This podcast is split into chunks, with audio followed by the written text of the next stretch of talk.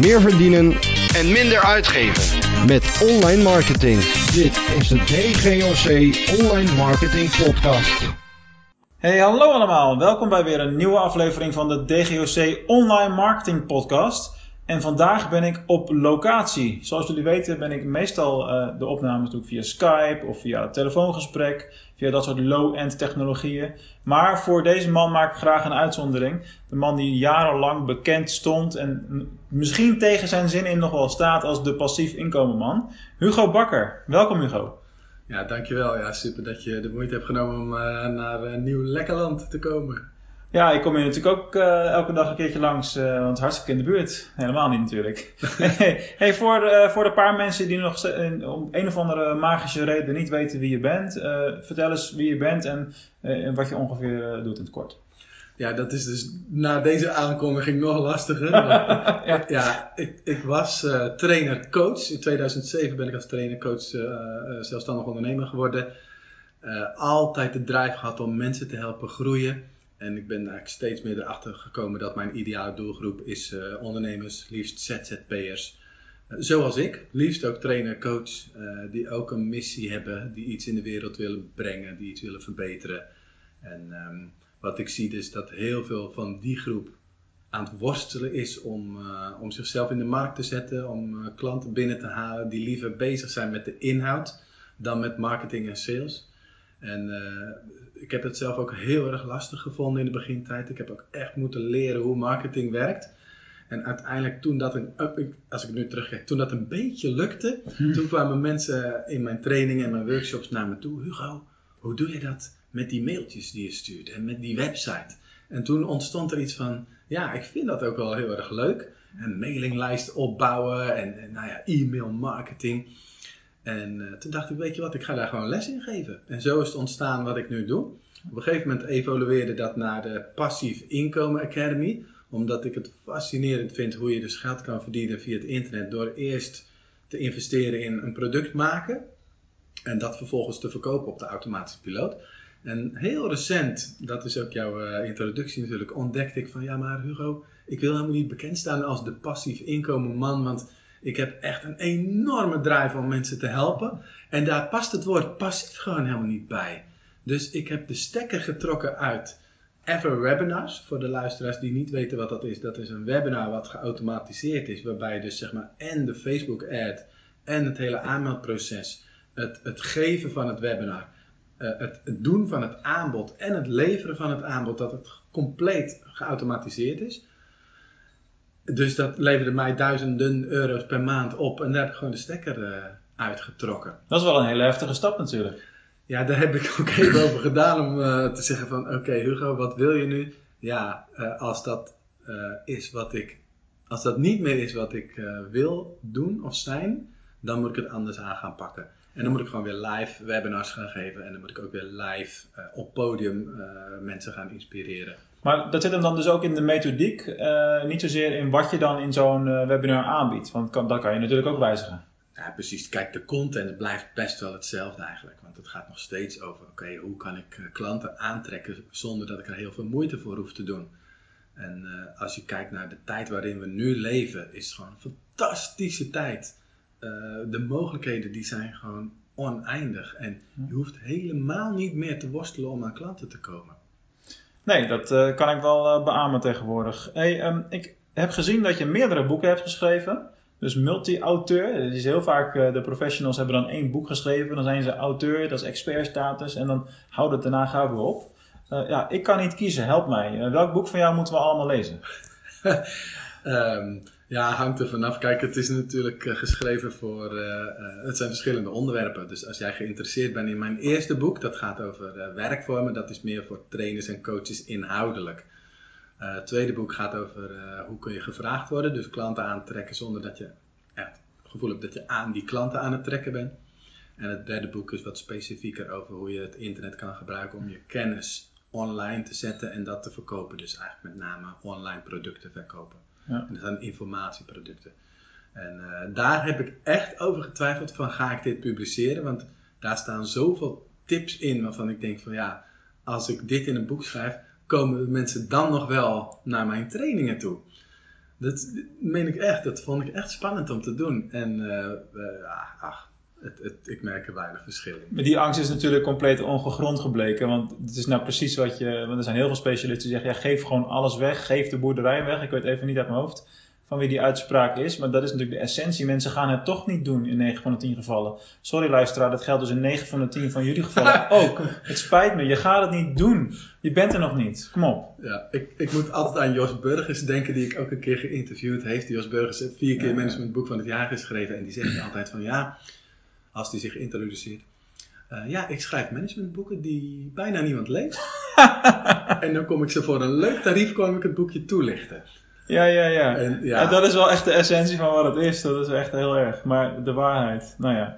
Hey, um, een passief inkomen, het is een beetje een scheldwoord voor je aan het worden, ben ik bang. Uh, ja, heel bijzonder natuurlijk, gezien waar je vandaan komt. Uh, maar we stappen eens een klein stukje terug in het, in het, in het verleden. Uh, in hoeverre, want heel veel mensen hebben die droom van passief inkomen nog steeds. In hoeverre is passief inkomen überhaupt passief? Want je geeft wel aan, het is iets wat niet bij mij past. Ik heb een drive, ik ben heel actief.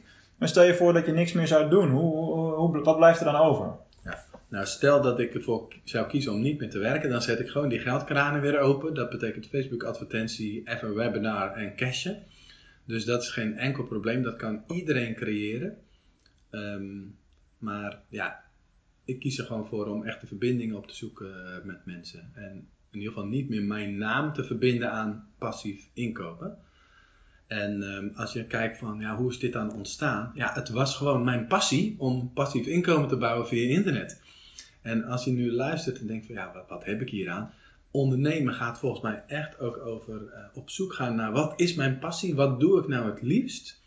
En dat gewoon heel de dag gaan doen. Ja. Oftewel, uh, het ondernemen combineren met wat jij het liefste doet. Natuurlijk zit er altijd iets van een factor in van dingen die je niet leuk vindt. Nou, daarvoor, Mark, help jij volgens mij ook uh, ondernemers om teams te bouwen, zodat je echt kan focussen op datgene waar je goed in bent.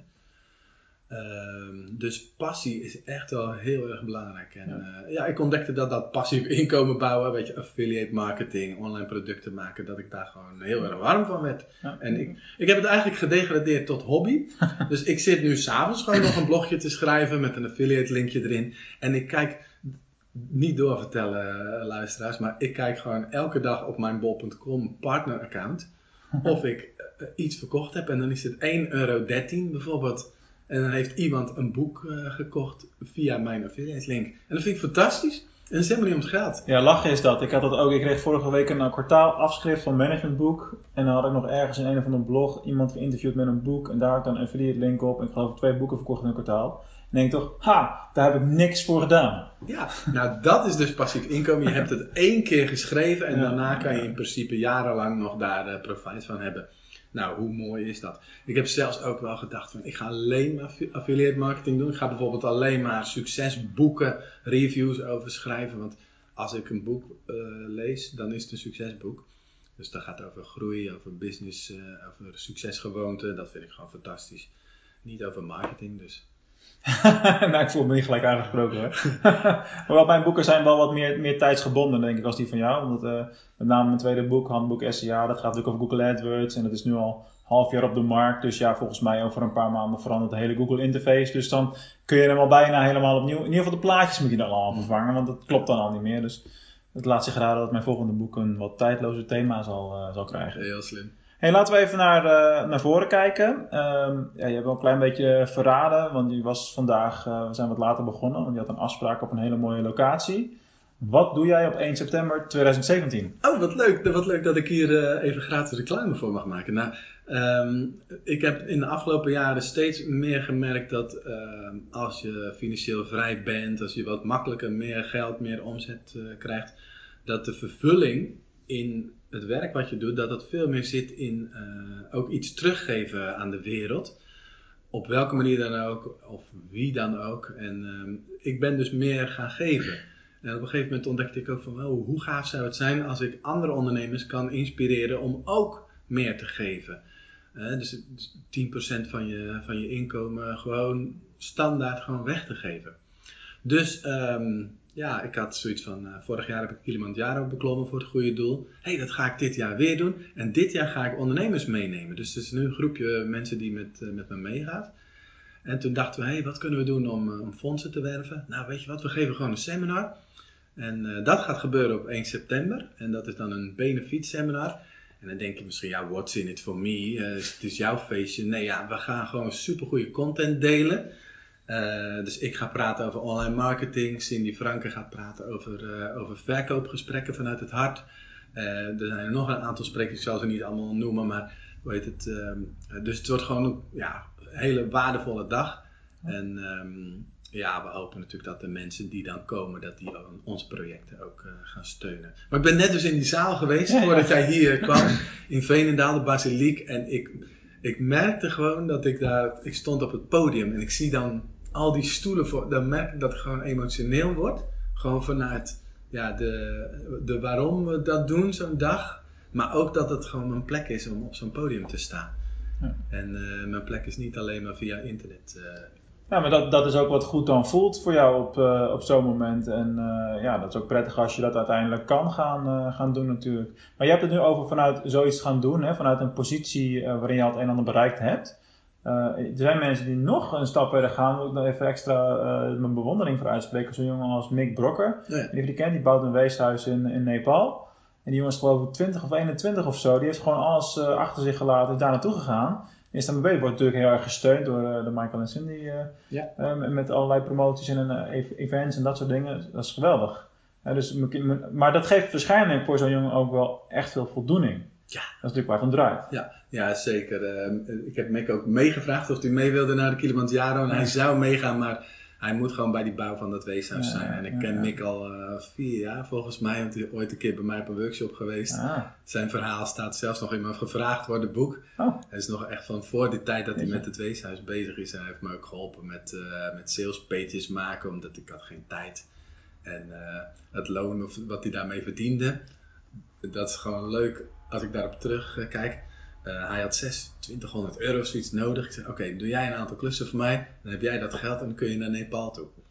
Dus met dat nou, geld... dat wist ik allemaal niet, hè. Dus echt, dit is niet voor opgezet. Uh, dat zou je misschien denken als je dit verhaal zo hoort. Maar ik wist helemaal niks van die connectie. Maar nagaan hoe klein die wereld dan weer is. Ja. Want al die connecties tussen die ondernemers, die zijn er wel. Uh. Ja. Hey, um, even een hele persoonlijke vraag. Ik weet nog dat je, dat moet vorig jaar geweest zijn, op een gegeven moment deed je een event in de Kuip. Ja. Nou, ik ben op zich geboren Rotterdammer, Feyenoord fan, Die Hard, noem het allemaal op. Lekker cliché. Dus ik vraag me al de hele tijd af, wanneer doe je weer een event in de Kuip? nou, eerst uh, in de Basiliek op 1 september. en daarna zie ik wel weer verder. Want uh, ja, zo'n uh, event organiseren is best wel eventjes aanpoten ja. om, om het te organiseren en om het te vullen. Dat mm. is een beetje hetzelfde eigenlijk. Ja. Dus um, um, ik weet het nog niet. Ik durf even geen commitment. Helaas, geen, uh, geen harde toezeggingen hier uh, in de show. uh, we, gaan, we gaan gewoon lekker verder. ik zag dat je ook een tijd lang gekozen bent door Nisande. Ja. Um, daar ben je niet alleen in. Dat is iemand die, waar heel veel mensen heel veel waarde aan, aan hechten. en terecht. wat, zijn, of wat is de meest belangrijke les die je van hem hebt geleerd? Eigenlijk de les van uh, conscious millionaire zijn. Dus uh, het, het, glas vullen totdat het bij jezelf overloopt. En alles wat dan overloopt kun je weggeven. Dus ook het principe van give first. Toen ben ik met mijn 101 werkvormen.nl uh, begonnen om al mijn kennis te delen op die website. Het werd super gewaardeerd. Ook weer zo'n momentje van, oh jee, ik ga alles weggeven. Komen mensen nog naar mijn workshop? En ja, ik heb nu echt heel veel bezoekers. Tenminste, dat vind ik veel. Duizend per dag. En, uh, dat, dat is veel hoor, voor in de meeste gevallen. Ja, ja het is best wel een niche. Dus, ja, uh, En gewoon continu organisch heel veel bezoekers. En um, um, dus ja, dat, dat heb ik als belangrijkste denk ik van hem geleerd. En hij trok me aan gelijk in het begin al, toen mensen over hem spraken van ja, hij stelt een doel en dat gaat hij ook bereiken. Weet je wel, 100% commitment, focus en gewoon blijven gaan tot je je doel hebt bereikt. En ik ben ook wel zo'n type, maar ik heb een beetje een haat-liefde verhouding met doelen stellen. Als kind heb ik uh, uh, eigenlijk al vanaf mijn zesde aan atletiek gedaan. En dat is zoiets van, oké, uh, zo hard mogelijk, zo ver mogelijk, zo hoog mogelijk. En, en ik was als kind echt heel getalenteerd. Dus ik schreef mijn persoonlijke records op een briefje en dan streepte ik dat weer door als ik mijn record verbroken had. Dus dat stukje heeft er altijd in gezeten. Maar in, in mijn leven had ik ook heel veel momenten dat ik, dat ik mijn doelen gewoon niet haalde. En dat deed ook altijd iets met me. Dus dat maakte altijd dat ik zeg maar, in zelfvertrouwen weer, uh, hoe zeg je dat, kleiner werd Mhm, of uh, dat het minder werd. Dus op een gegeven moment, uh, als dingen niet lukken, om dan opnieuw weer een doel te stellen in hetzelfde, ja, dat, dat, dat werd een soort van strijd. En ik heb ook uh, analyserende op een gegeven moment ook gemerkt van ja, er waren ook wel eens dingen die ik wel wilde, maar dacht van oh, dat ga ik toch niet redden. En dan begon ik er al niet eens aan. En uh, als ik daarop terugkijk, is het ook best wel pijnlijk. Uh, waardoor ik dus heel vaak dingen niet gedaan heb die ik eigenlijk wel wilde. En dat zie je in het ondernemen uh, bij mezelf terug, maar ook bij andere mensen terug. Van ja, we, mensen willen wel wat, maar ze zetten niet de stappen. En ze zijn gewoon bang dat, uh, dat het niet gaat lukken. Dat is doodzonde. Maar hoe kijk je daar tegenaan? Want uh, hoe ik het ook wel een beetje zie, is als je iets echt wil, dan, dan ga je ook uh, de stappen zetten die daarbij, die daarbij horen.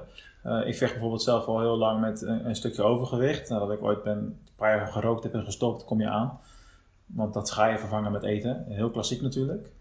Maar ik heb ook altijd wel heel streng naar mezelf toen misschien gezegd: ja, deze keer is een afvalpoging niet geslaagd. Waarom niet? Ja, blijkbaar wilde ik het niet graag genoeg. Ja. Nou, waar ik in geloof is het volgende. Uh, je kunt iets heel graag willen. Um, dus een brandend verlangen hebben ergens Mm. naartoe. En dat is denk ik heel erg goed. Sterker nog, dat is denk ik nodig om, om iets te creëren, om je doel te bereiken. Maar wat ook echt nodig is, is geloof. En niet uh, op een manier van, uh, zeg maar, religieus, zeg maar, maar geloof dat je dat doel kunt bereiken. Stel nou, ik stel een doel om uh, op mijn 48ste 9 meter ver te springen. Even terug naar de atletiek. Nou weet ik dat het wereldrecord is 8,95 meter. Dus ik geloof niet dat mij dat gaat lukken. Nee, precies. Dus ik ga niet de stappen zetten. Nee, nee, nee. Stel ik het doel op 5,50 meter, dan denk ik dat ik dat wel zou kunnen. Moet ik er wel hard voor werken. Want als ik nu zonder te trainen ga springen, dan kom ik op 4,50 meter, ik noem maar wat. En als ik dan ga trainen enzovoort, ga ik echt alles geven, dan is het mogelijk. Ja. Dus ik geloof dat dat element heel erg belangrijk is. Realistische doelen. Hè? Dus uh, uh, ik moet ook niet ineens zeggen, goh, we hebben vorig jaar een paaltje omgedraaid, laten we dit jaar de doelstelling leggen op 2 miljoen. Dat zou gewoon te snel zijn. Waarschijnlijk kan het wel, maar dan moet je commitment gaan tonen op het niveau van Quantum Leap Advantage van Dan Peña bijvoorbeeld. Maar goed, je hebt ook een gezin en andere, andere hobby's en dingen. Ja, nou ja, realistisch en geloof is nog weer iets aan nuanceverschil. Um, want als je weet gewoon van uh, qua conversie, je kan uitrekenen, ja, ja. Dan, dan is het eigenlijk al geen uitdagend doel meer. Dat is waar. Dus ik denk wel dat, uh, um, dat het iets minder dan realistisch mag zijn, je doel. Mm. Maar wel dat je er geloof in moet hebben dat het haalbaar is. Zo is mijn doel ook gewoon om, om vet veel seminars met minimaal 30, uh, 30 met minimaal 1000 man uh, in de zaal te hebben. Um, mijn geloof is dat, dat dat kan, maar nu nog niet. Dus ik moet het dan op gaan knippen in kleinere doelen. Dus nou, laat me eerst die zaal maar eens met 300 man vullen. Of, en dan als ik dat heb gehaald met 500 man. En dan naar de 750. Ja. Dus op die manier. Uh, en uh, je noemde die Sunday. Ja, ik zat dus bij hem in de zaal. Gewoon vet, meer dan 1000 man in de zaal. En daar, ja, daar had ik altijd zoiets van, ja, yeah, dat, dat wil ik ook. Dus daar, uh, ja, daar groei ik naartoe. Ja, herkenbaar. Um, door voortbordurend op dit onderwerp, wat betekent voor jou de money mindset? Ja, dat is eigenlijk uh, iets simpels als uh, de relatie die je hebt met geld. Dus hoe kijk je er tegenaan? Uh, hoeveel hou je van geld? Hoe belangrijk is geld voor je? Ik ben dat uh, in deze periode, misschien heb je dat ergens gelezen of gezien, ben ik dat bij mezelf aan het onderzoeken. Iedereen heeft natuurlijk een, uh, een, verleden, een historie met geld. Dus de dingen die je in het verleden als kind hebt gehoord, meegekregen hebt, ervaren. Zoals van, nou, uh, als je vader roept van ik wil een cadeautje of ik wil iets leuks. Ja, het geld groeit niet op mijn rug. Weet je wel, al dat soort uitspraken, die, ja, die programmeer je eigenlijk in, in die mindset. En uh, daar kun je dus op je 46e last van hebben. En dat is wat er nu bij mij aan de hand was. om, om zeg maar mijn bedrijf verder te laten groeien, heb ik te veel last van, van een iets te beperkte geldmindset. En daar kwam ik achter op het moment dat iemand eh, naar me toe kwam die, zei: Hugo, ik wil dat jij me coacht als, als, als mentor, zeg maar.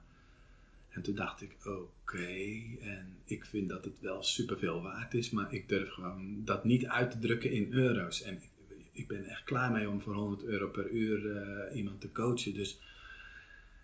En daar kwam ik dus niet uit. En toen besefte ik van, ik heb dus gewoon een dingetje met geld nog. Ik, ik vind het gewoon lastig. En, Maar eh, on- ontdek überhaupt maar eens dat je dat dan nog hebt. Hè? Zeker, eh, want je bent in ieder geval voor de ogen van de buitenwereld al onwijs ver.